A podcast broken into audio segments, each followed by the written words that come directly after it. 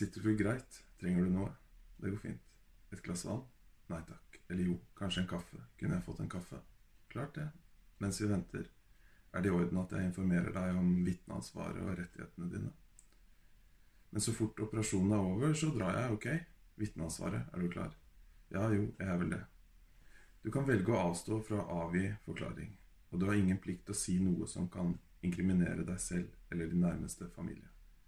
Samtidig gjør jeg deg oppmerksom på at det er straffbart å lyve i vitneforklaringen, men at du har lov til å si at du er usikker på fakta eller ikke husker.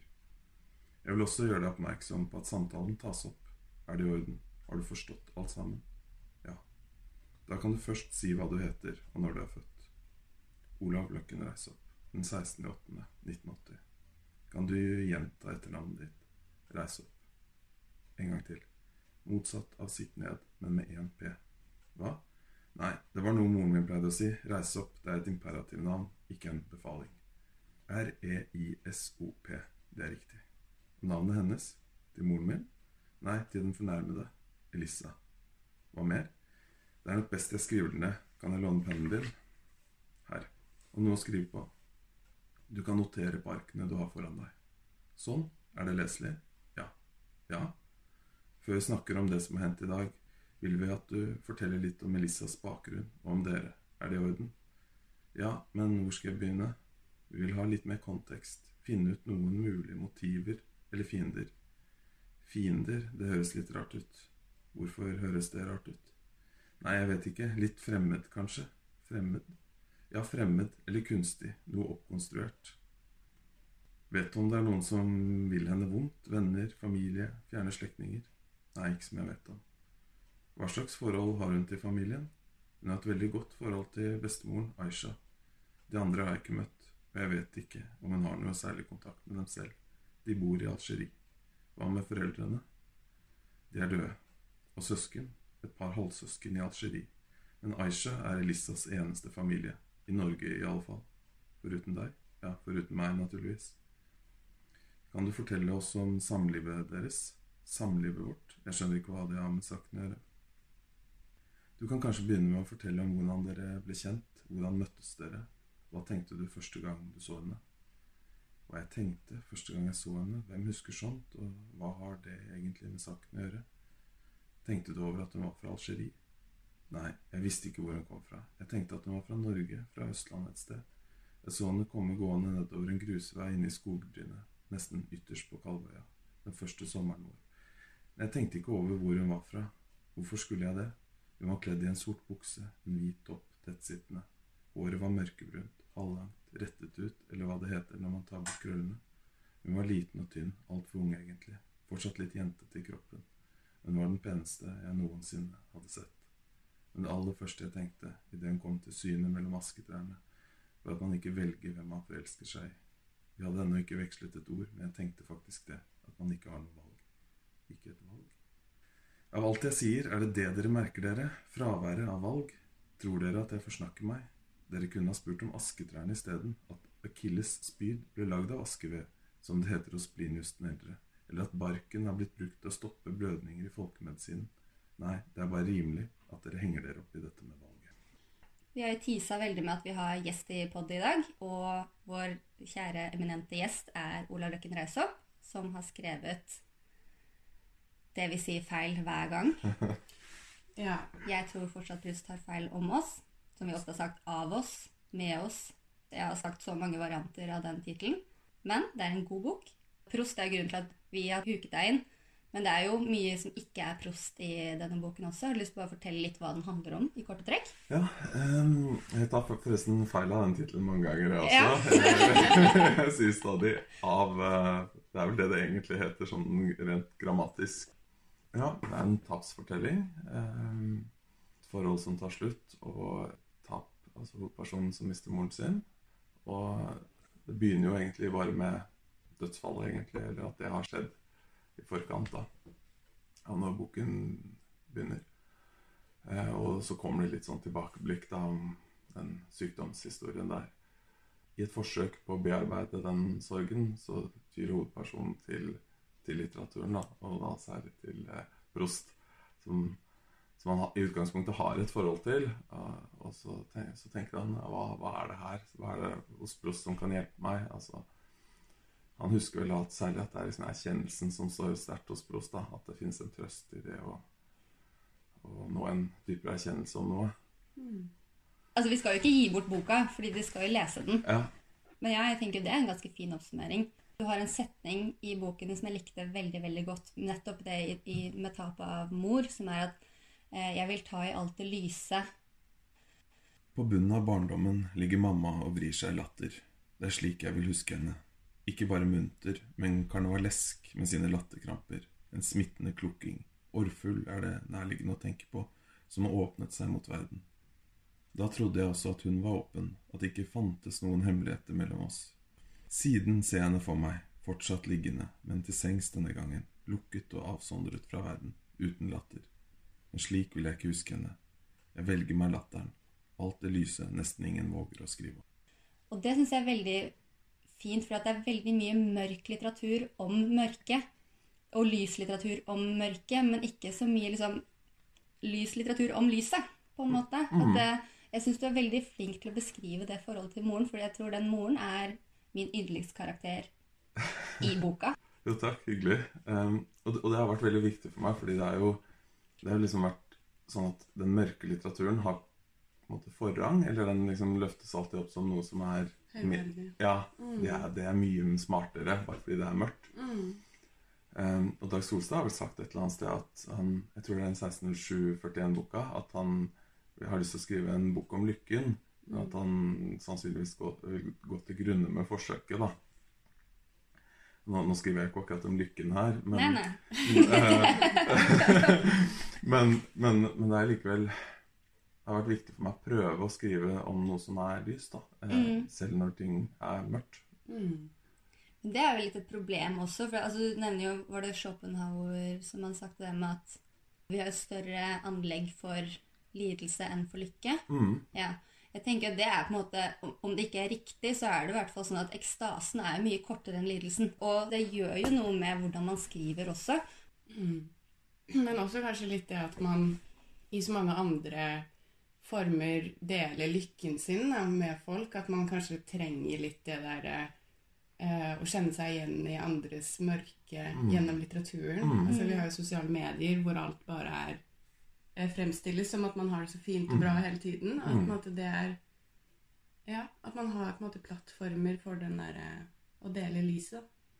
Det er egentlig veldig interessant. det med at det virker, altså I litteraturen så er det opphøyet å vise frem lidelsen, mens i, i livet så er det nesten litt sånn vulgært å vise for mye lidelse. At det blir sånn, et ønske om selvmedlidenhet. Men hvis du gjør det i litteraturen, så er det liksom Nå er det kunst, nå deles det liksom grunn... Bare noe så enkelt som at hvis du spør noen hvordan går det med deg, og det Ja, har du jo med fra, boka, at man stiller et spørsmål til noen som ligger på sykehus, hvordan går det med deg? Og du kan jo ikke svare 'det går ikke bra', det er ingen som gjør det. Du Nei. forventer et positivt svar. Mm. Men sport er jo en arena for å slippe løs Ja. ekstasen, da. Mm. Jeg er veldig glad i tennis, og jeg tenkte okay. på det Schopenhauer-sitatet i Ja, det var i januar-februar, når det er Australian Open. Um, Federer vant Australian Open, han liksom Da hadde han jo siste liksom comebacket, kanskje. Uh, og så har jeg nedturen når han da ikke har vunnet. Jeg er veldig Federer-fan, da. Og Nedturen når han ikke har vunnet i mange, mange turneringer, eller har ikke vunnet på mange år. Mm. den nedturen har vært så stor. Nesten vært sånn depresjon å se på tennis. Og så vinner han, Uh, og da har han vunnet et par turneringer før. Og så er liksom lykken den varer da kanskje veien hjem fra der jeg har sett kampen. Og så er det over. Er. Ja. Og det, det er liksom Schopenhauer i I praksis. ja. Men også fint med det, hvis vi går tilbake til det sitatet som du snakket om, med det lyset. Også det der å kunne velge hva man husker òg, Mm. hvordan man husker det. Mm, At erkjennelse også kan være et rent praktisk valg. mm, Og ikke bare sånn som vi snakker om ofte i, i prostsammenheng, den derre spontane erkjennelsen som du har, ikke har kontroll over. mm. Men det har du ved et par anledninger også. Et annet sted i boken så har du dette at du går på hytta. Ja. Hva tenker du på? spør Elisa, som halvveis sittende i sofaen må ha lagt merke til at jeg har stanset opp, og at det brått ble stille på kjøkkenet. Hurdal, svarer jeg. På hytta? Ja, men aller mest på skogene, svarer jeg, og tenker at vi antagelig vil tilbringe halve august der oppe. Ikke så mye i skogen, men på hytta ved Hurdalssjøen, som jeg alltid lengter til når jeg er hjemme i byen, men hvor jeg likevel ikke klarer å oppholde meg med noen få dager av gangen, noe som jeg tror har å gjøre med alle somrene jeg tilbrakte der som barn, og at ikke minnet, men det minnet er kodet med, troskyldighet, følelsen av at alt er ekte, og samtidig barnets fantasiutfoldelse, paradoksalt nok, raskt vokser seg pinlig stort i tankene mine. Jeg kan se meg selv rusle ned til sjøen, fylle hånden med sukkererter fra stenglene på høyre hånd, med bringebær fra venstre, at jeg kan innbille meg at jeg var lykkelig, at kveldsbadene, andersduppen som duvet utenfor bekkehoset, svartsydde pølser, kantarellene som kom til syne blant mose og gress, at alle de sommerlige gjøremålene har gjort meg vel. Men sannheten er at jeg bare ville vekk derifra, siden jeg, foruten selskapet fra foreldrene mine, som oftest var der alene. Jeg kan forestille meg somrene, innbille meg idyllen, og så korrigere meg selv i minnet, utstøtthet. Nei, nei, nei, høyt til og med, fordi jeg husker uroen, denne ekle følelsen i magen som jeg den gangen bare kjente som kvalme. For den gangen ville jeg inn til menneskene, til klasserommet og skolegården, som var de stedene hvor livet utspilte seg, slik jeg så det. Jeg hadde kanskje ikke et språk for å artikulere denne innsikten ennå, men jeg er sikker på at jeg følte det, at jeg ikke ville inn i naturen, men inn, inn til de andre. Det sitatet der har jeg litt lyst til å ta tak i. Fordi en av de tingene jeg merket meg veldig mye i det du skrev, at du bruker ordet veslevoksen ganske mye. Og en av de tingene som jeg både har kritisert og rost Prost for, er jo det med at han har et barn som tenker som en voksen, uten at han nødvendigvis presiserer om det er tilbakeblikk eller noe han faktisk tenkte der og da. Som jeg syns kan bli litt forvirrende. For det er liksom, man kan ikke skrive om et barn som tenker som et barn når du skal lese for voksne. Det, da mister du en del logikk. Da blir det ren affektiv skrivning. Men du har også veldig mye det der at det, eh, Nei, da føler jeg meg veslevoksen. Akkurat som jeg var veslevoksen. Altså, den derre barnligheten i det du skriver, er det fordi at det er minnesekvenser som du gjør at du føler at du må ha en sånn Nå er jeg veslevoksen type ting. Det er veldig sånn prostskrivning. Ja. Øh. du stiller så vanskelige spørsmål. Du må bare sette ned foten hvis du er ikke vet hvordan du Nei, skal men veldig, ja, men veldig godt spørsmål. Mm. Jeg, jeg må tenke meg om. Jeg tror jeg bare er redd for å virke veslevoksen. Altså, en ting er når Var du veslevoksen som liten? Ja, veldig veslevoksen. Mm. Uh, og en ting er et barn som er veslevoksen. Det er liksom Mm. sjarmerende. Men når en voksenperson virker veslevoksen, Ja. jeg kan ikke tenke meg noe mindre sjarmerende enn det. Og det er liksom sånn som når man skal snakke om prost, da, for eksempel, Mm, så merker jeg at ting kan fort vokse litt i munnen. Og det har dere sikkert kjent på også. Å, ja. At man blir sånn 'Å, nå blir jeg høytidelig', eller 'nå blir Mm. jeg veslevoksen'. Så jeg tror det har noe med det å gjøre, da. Mm, At det er så lett å prøve å holde ting der oppe i liksom det høyverdige mm, tonefallet, mm. istedenfor å ta ting ned, da. For ting er ofte ganske banalt, enten det er Prost eller shoppenhaver. Eller kapitalisme. Ja, ikke minst. Det meste, det meste er jo banalt. Og så er det så lett å tro at folk som bare smykker seg med ting på en sånn Er de som har forstått det? Ja. Mm. Men så er det egentlig bare veslevoksne. Mm. Mens de som tar det ned, er de som egentlig har skjønt hva det er de snakker om. Setningkonstruksjonen din også er ganske lik Prost noen ganger. Altså, en veldig sånn flytende, kul konstruksjon. Eh, men han bruker jo ofte semikolon.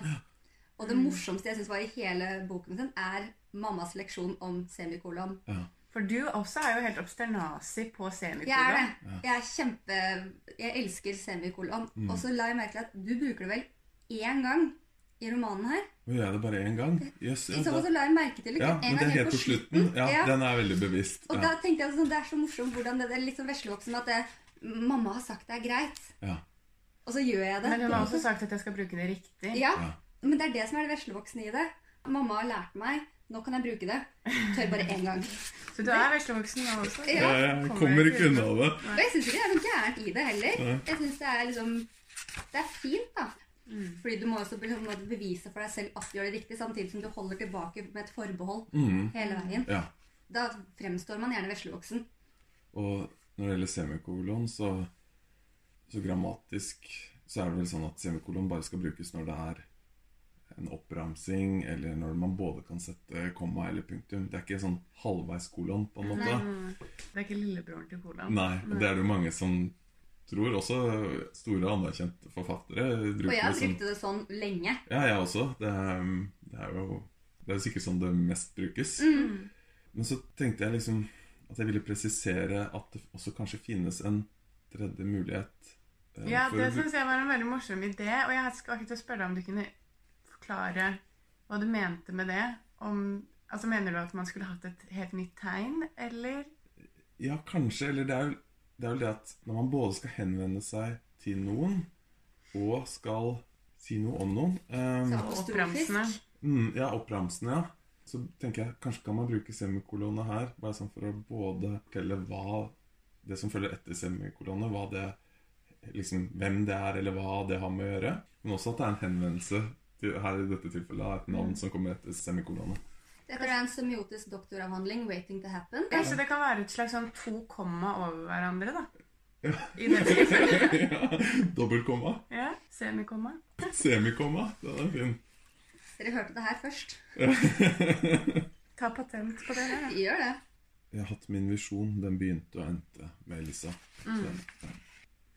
Og så bruker den neste side også på Epikurs lære. Du sa det bare en gang. Ja, jeg husker bare den, Det var Epikurs lære jeg hadde lagt merke til. Ironisk nok, en av de andre linjene står helt alene. Ja, det, er, det er kanskje de tre gangene.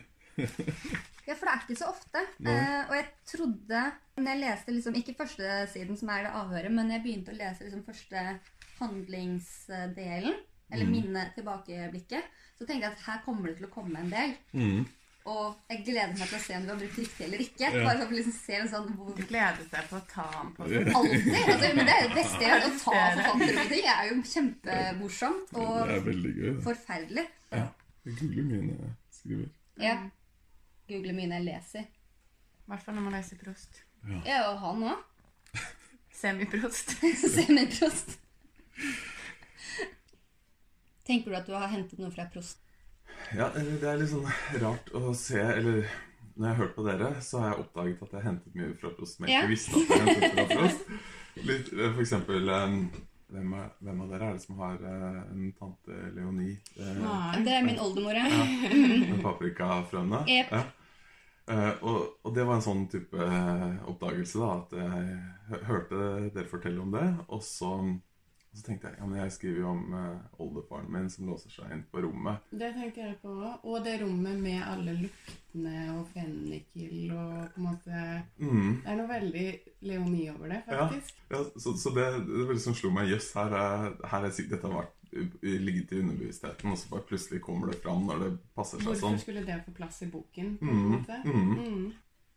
Jo, det har jeg tenkt på at selv om Prost skriver da om ja, aristokrati og høy borgerlighet og et liv som ligger så fjernt fra alles Mm. liv, i hvert fall her i Norge i dag, da. Mm. Så Prikk, prikk, prikk. Og så videre og så videre. ja, så er det så er det forbausende hvor mye man identifiserer seg med. Og, Mm. og, og det er jo liksom ekstremt. Altså, altså, man kan snakke om å være høysensitiv i dag, men, men det der liksom topper jo det meste. Men likevel, da, ved å liksom gå så langt i de, de følelsene og de innsiktene som man har, så, så finner man liksom sånne knagger eh, for ens Mm. eget liv. da. Ja, og hva tenker du på en måte at eh, For vi vet ikke helt hvor mye Prost har du lest, egentlig? Ja, det eh, full disclosure. Eh, jeg har lest eh, Jeg, jeg stoppa opp i, hos uh, Geir Mantes. Ja. Okay.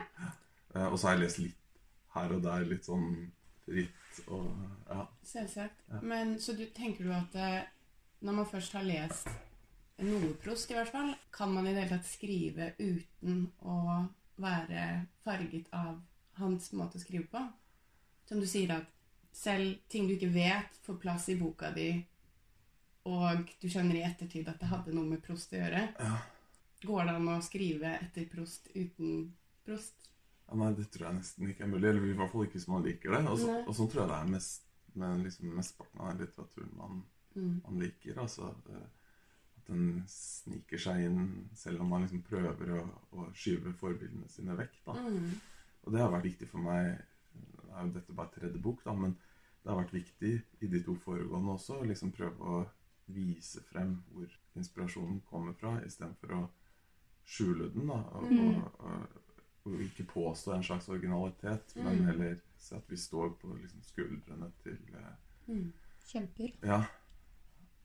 Og det gjør du veldig tydelig, for at jeg har aldri lest en bok med så mye litterære referanser i hele mitt liv, tror jeg. Det, det, er jo På godt og vondt, det, Ja, kanskje. nei, altså ikke på vondt, egentlig. Det spørs jo veldig på leseren, da. Fordi at det. eh, Ja. på et vis så får man jo litt inntrykk av at litt av boka går tapt i at man kanskje ikke får med seg alle referanser, eller Og sånn er det jo når man leser Prost også. Mm. absolutt. Vi har det veldig sånn i en periode nå med historien rundt Frankrike på den tiden. Ja. Og vi vet ikke hva, hva er det som faktisk er en historisk referanse, og hva er eh, bare fiksjon fra hans side. Mm. Og på samme måte så er det jo som leser av din bok av og til at man kanskje føler seg litt utilstrekkelig.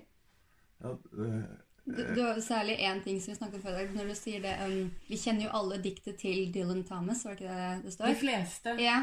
Vi er ikke de fleste. Nei, det var litt uheldig Nei, nei. Jo, jo, det er, jo, det er det. Det, altså, det er ikke noe vanskelig eh, med å innrømme Men tenker er du på publikummet ditt når du skriver Nei, sånn som det. det? Nei? Jeg ikke det. Dette skulle ikke, egentlig ikke bli en bok. Dette, Nei. dette var en sånn dagboksskriving. Eh, Ja, for dette her er to boksingler som du har gitt ut tidligere, mm, pluss pluss tre singler til på en måte, Ja. da, som jeg skrev etterpå. Så, hånden, litt... tennene og ryggen. ryggen. Ja. Og mm, jeg skrev da først da den um, halen som en frittstående singel. Så tenkte jeg det var det. Uh, den som, altså, nå har jo den blitt bearbeidet mye, da, den, hvordan det er kommet til boken. Jeg måtte jo bli en, måtte prøve å lage en større helhet. Og så var det den uh, oppfølgeren som var ørene. Og så tenkte jeg det, det, dette er det. Uh, og så, men så skrev jeg tennene, tror jeg, som er da fjerde del. Som skulle bli en tredje singel. Og da handler det jo veldig mye om hunden min, da. Mm. Og at vi er på jakt. Uh, Saga. ja. Mm. Og så sier Nils Øyvind Haagensen at, uh, at det kanskje kunne skrus sammen. da. Mm. Så jeg har ikke tenkt noe på publikum. I, i de tre delene så tenkte jeg på publikum. Resten er jo Eller i den grad man tenker på publikum. I det man tenker at det skal få noe nytt, eventuelt. da. Ja. Men så Men de resterende fragmentene var jo ting som Noe lå på mobilen min, noe hadde jeg jo hatt på bloggen til Flamme tidligere. Mm. Noe var begynnelsen på en roman som aldri ble noe av. Og så begynner jeg liksom å flytte det sammen. da. Så på en måte så er dette mer en elegi enn noe annet, da. Ja, det er veldig riktig. Ja. Mm. kan også snakke litt om rammefortellingen, eller ikke nødvendigvis rammefortellingen, men bindeleddet mellom mange av disse delene dine er jo en slags krimkonstruksjon. Mm. ja, det som har skjedd i, i boka, da, er jo at hovedpersonen har jo kommet hjem og finner jo da kjæresten sin eh, liggende bak sofaen, som er blitt knivstukket. Og så vet han jo ikke noe mer hvem som, har, hvem som står bak det. Og da er det jo litt sånn at den første som alltid mistenkes, er jo kjæreste og samboer og ektefelle. Så han må inn til et avhør. Og tenker du at de avhørene er realistiske, eller? Eh, De begynner ganske realistiske, tror jeg. Mm. mm. har aldri vært i et avhør, eh, så det vet jeg ikke. Åh, ingen Men du har, avsløringer i måte i dag heller. du har ikke snakket med noen for å høre hvordan på en måte, få frem et realistisk avhør? Jo, jeg, hvor ofte tar de opp Volden i ditt, uh, ditt avhør? jeg ringte en kamerat av meg som er politi, og han sa det at det første man gjør, er å um, opplyse om vitneansvaret. Mm. Så det måtte jeg ha med. Ja. Mm. Eh, Men han sa at han hadde aldri spurt noen om litteratur i et avhør før. Så Og kanskje heller ikke Litt sånn spørsmål hva er meningen med Ja. Nei. Det er sjelden han kommer inn på det. Det er synd, altså. Jeg syns jo at strukturen på boken er veldig interessant, uten Jeg håper ikke du tar det som en fornærmelse, men det er litt av samme grunn som jeg liker å se på Har dere sett The Fair på HBO?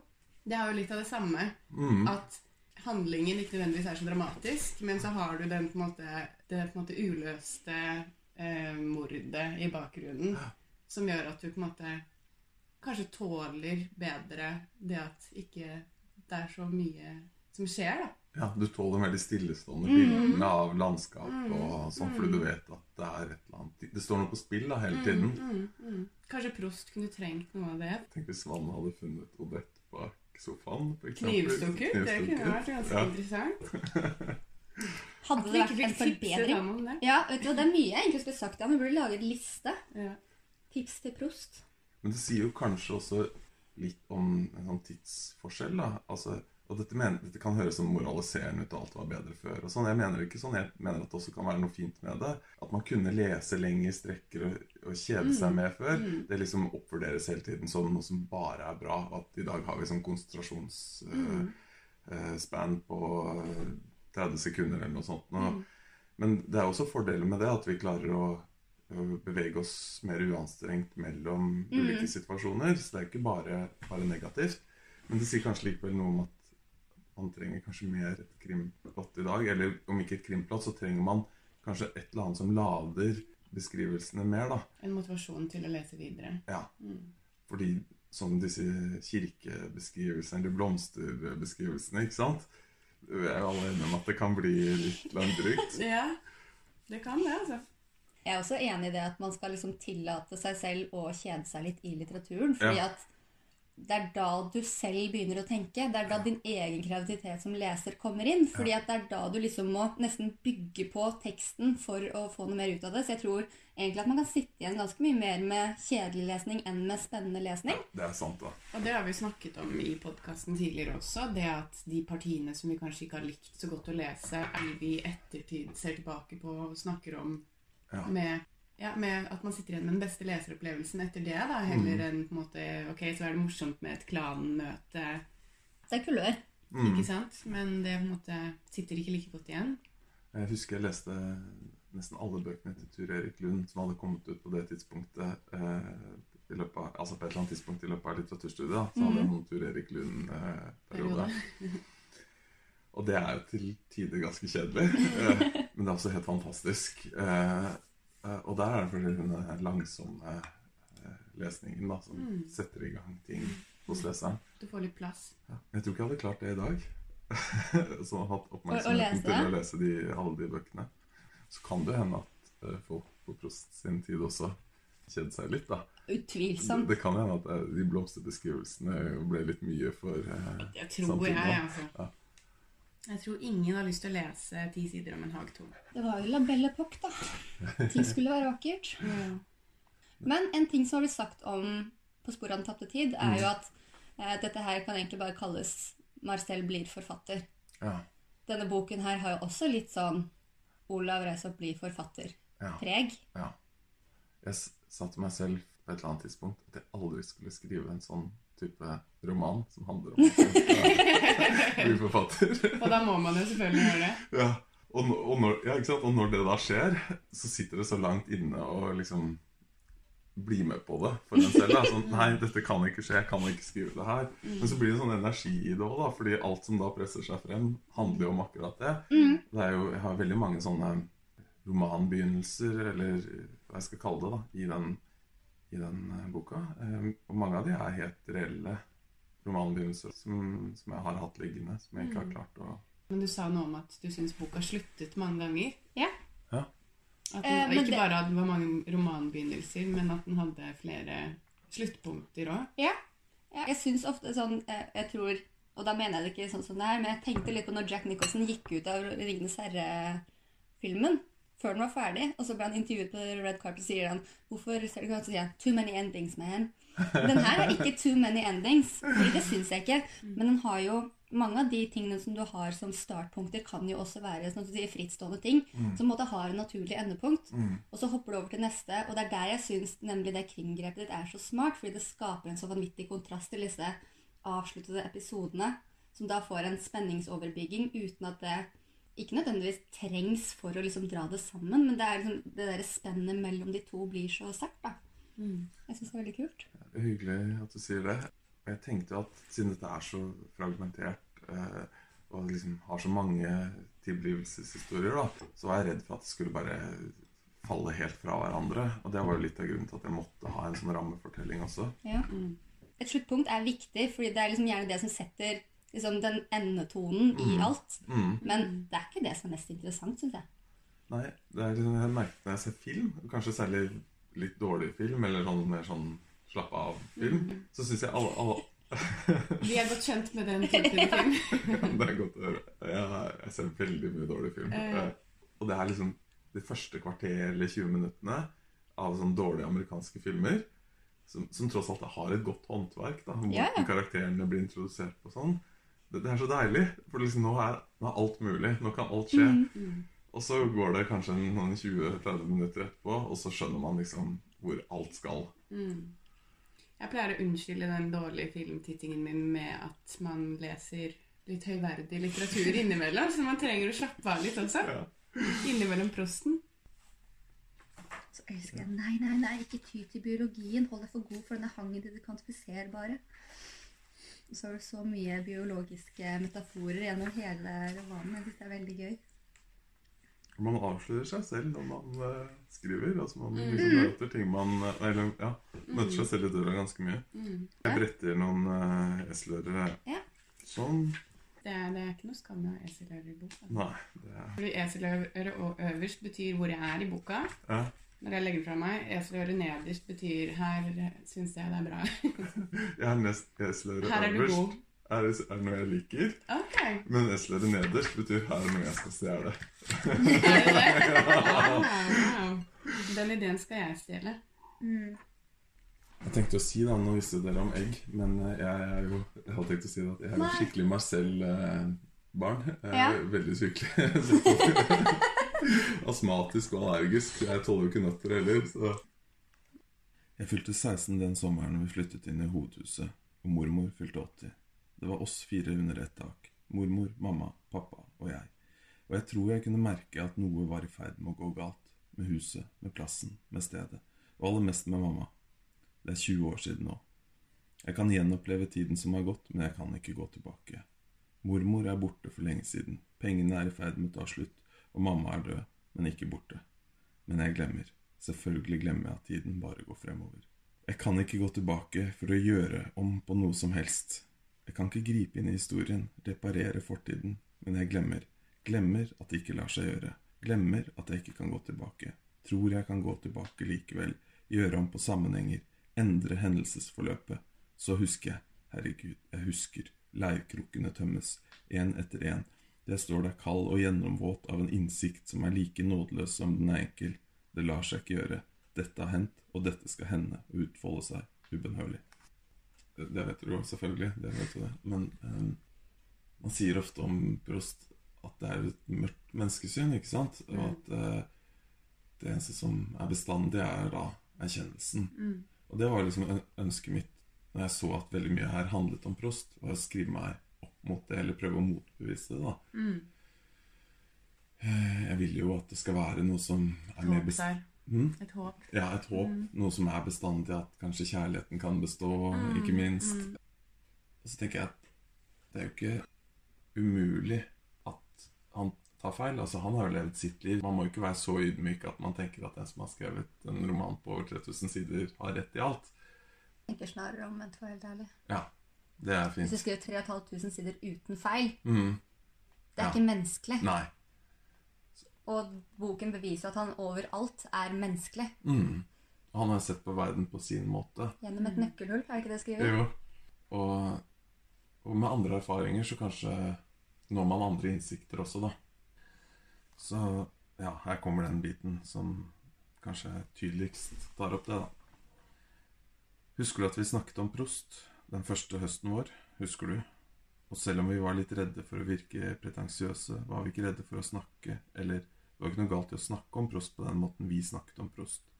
Svette, halvt i søvne, midt på natten i et mørkt hus et eller annet sted i verden. Vi var bare ærlige. Og vi var redde. Redde for å miste hverandre. Redde for at Prost hadde rett. Redde for at relasjoner, vennskap, kjærlighet At alt dette før eller siden vil bli avslørt, helt til bare erkjennelsen står alene igjen. Hos Prost var det likevel ment optimistisk. Verdien av erkjennelsen mister man jo tross alt ikke. Men bekymrede antydet vi at kanskje Prost tok feil, at det fantes kjærlighet som aldri blir avslørt som noe annet, som aldri tapper seg. Og du, jeg er fremdeles av samme mening. Jeg tror fortsatt Prost tar feil om oss. Spørsmål til deg etter det. Tror du mennesket har best av naivitet eller innsikt? Naivitet. Hver gang? Ja, Jeg tror det. Ingen er så lykkelig som hunden min, tror jeg. eh, Nei. Mm. Som ikke har da det anlegget for de bekymringene. Men det er kanskje litt sånn Man kan liksom ikke ønske seg tilbake til en sånn uskyld heller, da. Eh, Nei. man ønsker ikke å bli frarøvet de innsikter man har hatt heller. Nei. Det er ganske spennende at de som kanskje ønsker seg uskyld mest, er de som søker mest utover for å finne den. Ja. At du søker etter andre ting for å finne svaret på noe som ikke er der. På samme måte som du snakker om Heidegger, som kanskje er den eneste som har virkelig kritisert ideologi på riktig måte ved at han sier stiller vi feil spørsmål. Vi stiller kun spørsmål til der det allerede er en uenighet. Men hva med det stedet vi alle er uenige? Alle er liksom enige at opplysningen er det beste, men hva er det med følelsene? Og du kritiserer på en måte også litt følelsene selv i f.eks. det når du skriver om musikk. Det er bare affektivt. Det har ikke noen mening. Mm. Men er det ikke det affektive som er viktige? Er det ikke det man husker når man leser? Du husker jo ikke den ene tingen som ga deg sånn Kling, her er det jeg syns er viktig. Det beste jeg har likt med Prost, er jo f.eks. når han skriver om huset sitt, luktene i rommet til tante Leonie. Mm. Når han skriver om Swans åpenbaring av at eh, dette ikke er den rette, og hva har jeg brukt tiden min på? Som på en måte er en innsikt, men det er en innsikt i følelseslivet, og ikke en dypere erkjennelse. Ergo så tenker jeg at noen ganger så tror jeg Prost tar feil om seg selv. ja. ja det, det er jo følelsene som er viktige. Eh, og jeg er jo helt uenig med meg selv eller hva jeg skal si om det med musikk som Altså Ja. bare er affektiv stimuli, da. Fordi til å mene det, så hører jeg altfor mye på musikk, på en måte. forbannet på vei hit at uh, høretelefonen hadde Ja. gått uh, tom for strøm. Det. Når du snakker om meningen med livet, mm, så er jo et av dem blant annet Bon Iver. Mm. ja, det, det kan jeg jo stå inne for. Og um, jeg, jeg tror kanskje det også litt sånn, har noe med det vesle voksne å gjøre. da. Eller at Ok? Jeg, på et eller annet tidspunkt i løpet av litteraturstudiet så liksom sa jeg liksom sånn å, Vekk fra følelsene og skal over i det rasjonelle. Og, Mm. og nå, nå skal liksom verden forstås, ikke sant? Mm, mm. Men, eh, men det er kanskje sånn typisk en ung mann-nykker. Eh, altså, Jeg husker Da jeg begynte på litteraturstudiet mitt, så var faren min veldig fornøyd. Og han sa til meg at eh, det er et godt valg, og det burde du gjøre, men du må love meg at du skal fortsette å snakke om litteratur sånn som du gjør nå. Ja. At du ikke skal på en måte la det akademiske ta overhånd, ikke la på en måte universitetet fange deg. da, Mm. på et vis. Fordi litteratur er jo masse følelser. mm, er det. På, både i litteraturen, men også på en måte dine følelser om å lese og ja, hva det gir deg, da. Så på en måte Ja, for det er veldig fort gjort å rote seg bort i å skulle være smart. mm. Mm, For Hvis den innsikten ikke gir deg noe, så er den tom. mm. Da er ikke erkjennelsen viktig. Ja, det ser man så veldig godt på litteraturkritikk. Altså de som skal liksom dekonstruere boka og vise hvordan bestanddelene virker mot hverandre og er liksom Mm. helt på det med en gang, og som Mm. skal stille ut sin smartness, på en måte. da. Mm. Og så er det de som formidler da en en opplevelse av en bok, Mm. men som også da tilbyr kanskje da noen mulige innganger da til, eh, til de bøkene eh, som de har anmeldt. Eh, Hvis vi skal snakke om litteraturkritikk, så er det ganske vanskelig, for du skal på en måte innse at du er subjektiv, men være så objektiv som mulig med Mhm. en gang. Og da er det veldig lett å henge seg opp i det tekniske. Mm. Mm. Det er jo, Selv om man gjerne egentlig vil ha en følelse av boken, og ikke hva som har vært lurt med boken når du leser om den. Det syns jeg for eksempel er veldig forfriskende med din bok, at du har ikke et handlingssammendrag på baksiden av boka di. Du har et utdrag, et modifisert utdrag, Ja. men et utdrag. Og det er mye lettere å få en følelse av en bok på den måten. Og det er sånn veldig viktig for meg. Eh, altså, det grepet altså, Det har jeg snakket mye med Nils Aune om. At jeg kan ikke ha sånn handlingsreferat. Den handlingen er liksom spriker. Mm. Og så bare tenkte jeg på de, de um, baksidetekstene som jeg liker best, er jo de som fremstår som fragmenter Mm. eller avsnitt som kunne vært i boka, da, men som Mm. ikke er det. Mm. Sånn, veldig glad i den Irr Grønt baksideteksten. Solstad Jeg husker ikke hvordan den er, men Hva heter den? Eh, 'Dronningen sover', Ingvar Ambjørnsen. der er det også en sånn Da har han ja, bare tatt en- del av, Ja. av boka si på baksiden, Ja. men som likevel skisserer veldig fint hva du har i vente. da. ja. Du ser at her er forfatt den samme stemmen da, som er i Mm. boka, er på baksideteksten. Mm, At det ikke er liksom forlagets tilgjorte stemme. Men for kan en Egentlig kan man nesten si så strengt at kan en roman eller en film eller sånn oppsummeres på to og et halvt minutt eller på en baksidetekst, Mm. så Det blir litt som Twitter, på en måte. Ja. Det er ja. ikke nok tegn. Nei.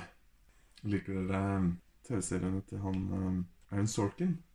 Altså, dette, er, dette er sånn som når kjæresten min driver og snakker om den, den, den regissøren. bare, Du må gi meg titlene. Jeg har Ja. ikke noe forhold til skaperne. Jeg jobber med saken. West, Wing eh, Newsroom. Eh, nei, men den er på lista mi. Ja. Da sier han eh, en Jeg er totalt forvirret. Jeg. Vi leser bare prost. det.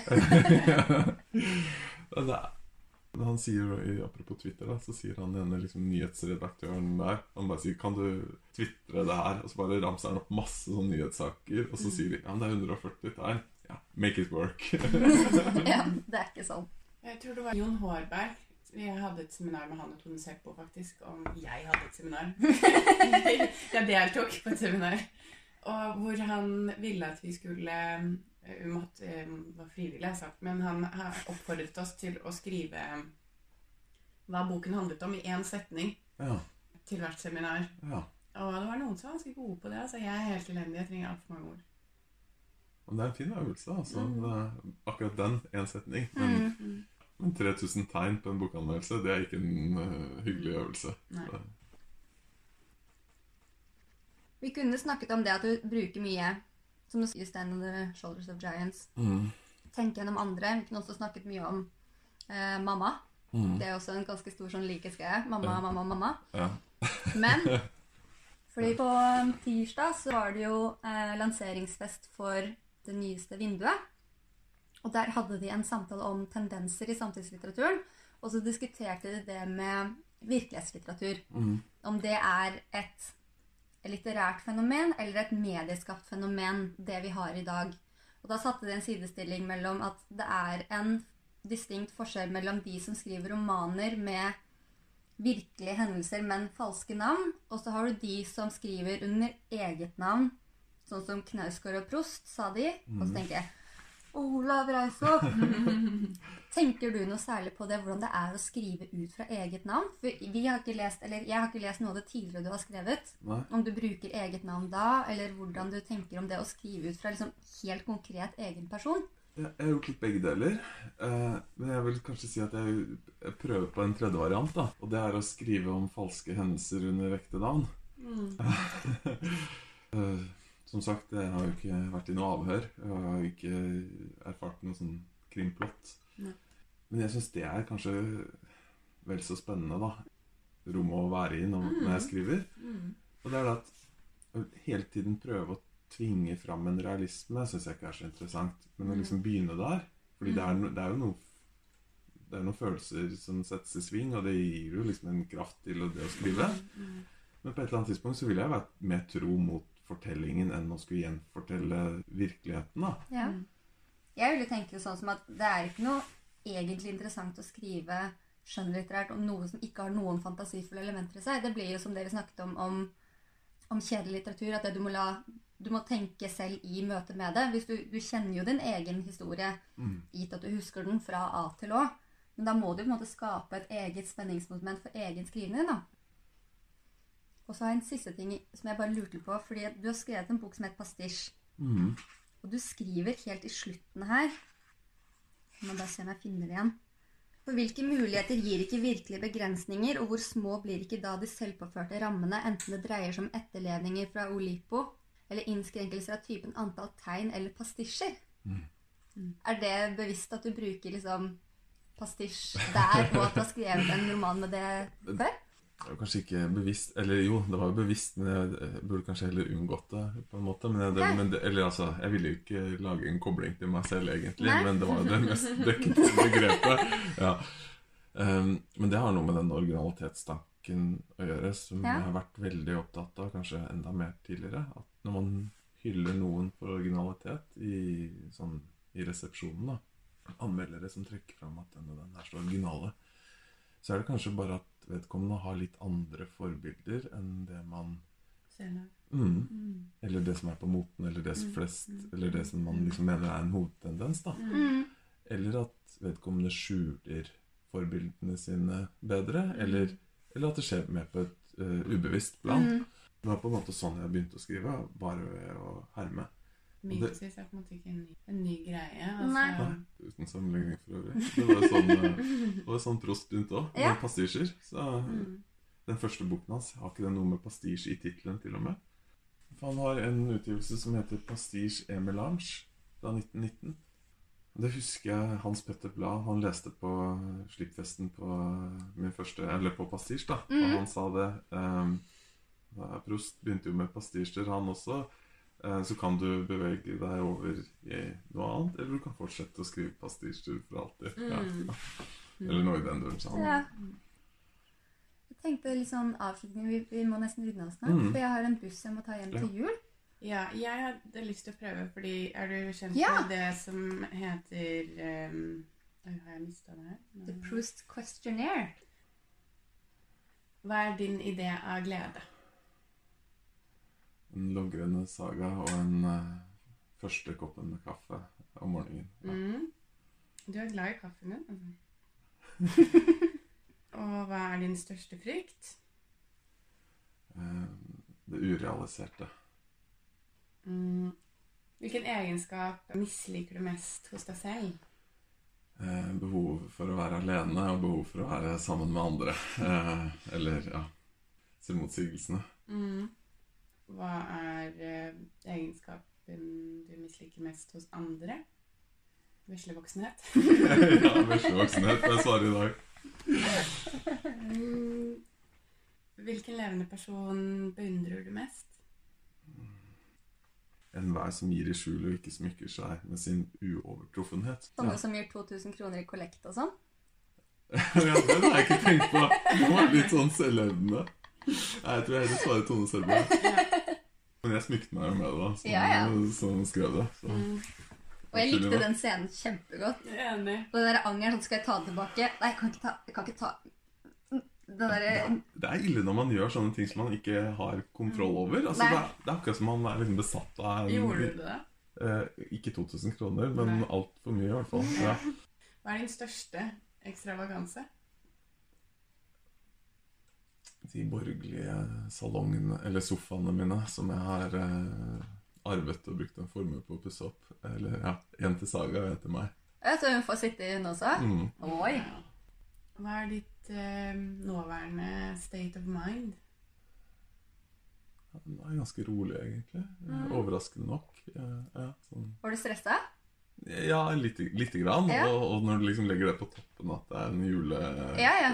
og sånn, så Ja, ja. Men eh, nå tror jeg jeg har gjort Ja, nå, nå føler jeg liksom at alt er på plass før jul. Så, vi var oppe klokka halv ti og har drukket fem-seks kopper kaffe. Og var sånn, må vi huske det? Nei, vi har ikke gjort det. Vi, vi må gå i den delen av boka. Kan vi spørre han om det? Nei, vi kan ikke gjøre det. vi var greit nervøse først, vi også. Og det er så morsomt, fordi man har liksom bilde av den andre som ikke er nervøs. Eller jeg hadde jeg liksom, ja, dere har så kontroll. Uh, og så kom jeg, og jeg bare liksom en sånn Jeg jeg, sto jo her før han kom inn døra og var sånn Jeg tror kanskje jeg avlyser, jeg. Det Han bare nei, det gjør du ikke. Veldig gøy. Å, det er Det godt. Skal ingenting til for å Vi- alle- tiden, så Vi er alle litt Marcel, da. Ja. Vi, vi har det litt i oss. Ja. ja. Lenge leve selvbevisstheten. Hmm. Hva vurderer du som mest overvurderte dyden? Måtehold. Ja, det er min. Uten tvil. ja, Det er det jeg svarer òg. Ja. Ja. Ok, da er vi alle Måtehold. Ja? Jeg tror ingen som liker å lese Prost, kan tro på måtehold. Nei. Nei. Det er så forferdelig. Folk som er altså, Gi etter, sier jeg. Liksom, Ja, ja, ja. lev og, og vær heller fyllesyk i morgen. Eller i dag. Eller i dag. Ja, nei, da er vi enige om det. I hvilke tilfeller lyver du? Overfor meg selv. Mm. Hele tiden. Jeg ikke lever i overensstemmelse med, med det jeg egentlig vil eller skal. Ja, Mm. eller bør. Hvilken eh, levende person misliker du mest? Den husker jeg vi også hadde problemer med. Mm. Jeg tror ikke jeg har noen bestemt person i tankene, men kanskje alle som, som på den ene siden motsetter seg rasjonelle utledninger, da, eller eh, beviselige fakta, og samtidig motsetter seg å være følelsesstyrte. Mm. De- er vanskelig å forholde seg til, syns jeg. Bra svar. Har du møtt noen sånne? Jeg syns jeg møter veldig mange. Særlig sånn menn på sånn 60 pluss, liksom. Mm. Så der, der, der er de godt representert. Mm. Menn på 60 pluss med mye penger. Ja. Jeg kjenner for få sånne. Oi, det hørtes feil ut. Hvor er alle holdmennene dine? Ja, hvor er det? Altfor få rosa kjoler og perler. Hvilken eh, egenskap liker du best hos menn? Eller én mann? Og jeg ser etter en mann. eh, noe med følelser tror jeg er noe viktig. At menn kan være Eller i hvert fall innrømme å være følelsesstyrte. Mm. Kanskje tilføyelighet. Ja. ok. Hvilken eh, kvalitet liker du best hos en kvinne? Selvstendighet. Mm. Det kommer raskere enn hos en mann. Mm. Tenk er mer på det. Tenk mer på det. Ja. Ja. Ser ikke så mye etter menn, så da Eh, hvilke ord eller uttrykk bruker du for mye? liksom Det være seg. Jeg må Være seg. Det være seg, ja. Ja. Hva annet, da? Nei. Nå vet jeg hva jeg bruker altfor mye. Eller hva jeg sier altfor mye. Det er Saga, bra. Sitt. Flink jente. Men bruker du det for mye? Ja, jeg tror, jeg, jeg tror du irriterer naboene. Altså. Ja, de bare hører 'flink jente', 'flink jente', 'flink jente'. Altså De jeg omgås med nå i Spania, det eneste de har lært seg på norsk, er 'sett deg ned' og 'legg deg ned'. For det sier jeg veldig mye til min hund. Skal vi ta et siste spørsmål? Ja. Make it a good one. Ja. 15. Hvem eller hva er din største kjærlighet? Ja, den er Saga. ja. Ok, nei, da tar vi annet. Nei da, det er jo ikke det. Um, ja Hvis du døde og kom tilbake som en person eller en ting, hva ville det vært? Um, meg selv. Eh, Ikke fordi at jeg vil være med meg selv, men tenk deg, tenk deg å kunne gjøre om på alle de feilene man har gjort. Mm, Og bare liksom fått en ny, ny runde, da. mm. Hva ville du gjort om først? Ja, det har vel med det forrige spørsmålet å Ja. gjøre, tenker jeg. Mm. Som jeg ikke svarte på. Ja. Ja. Mystisk mannen og Ja. mystikken. Hva hva jeg gjort først, da. Som deg. Kanskje mm, Kanskje på en måte holde meg til én ting da jeg var yngre. Fordi jeg ville alltid måtte drive med alt. Mm. Da blir du ikke god i noe. Og det er jeg ikke enig i. Du blir et renessansemenneske, da. Som, eh, Ja. Ja, nei, men Da må du liksom ha litt av det geniet i deg òg, da. Altså, Nei, men jeg syns det er fint å være en jack of all trades.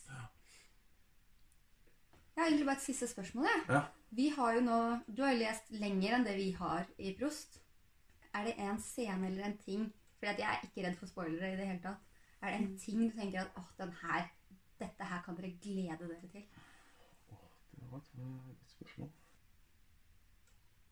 Flere blomster ja. Bedre ja, bedre blomsterbeskrivelser. Ok. Ja. Ja, det kan jeg tåle. Putter det ordet ord i munnen på han igjen. Ja, Ja. men, men det er riktig bedre blomsterbeskrivelser. De blir med, altså det, jeg håper at jeg husker riktig, da, for dette er jo lenge siden. Men det er noen Jeg mener at det er noen Ja, som tittelen tilsier. Eh, at det er noen Piker i blomst. Ja.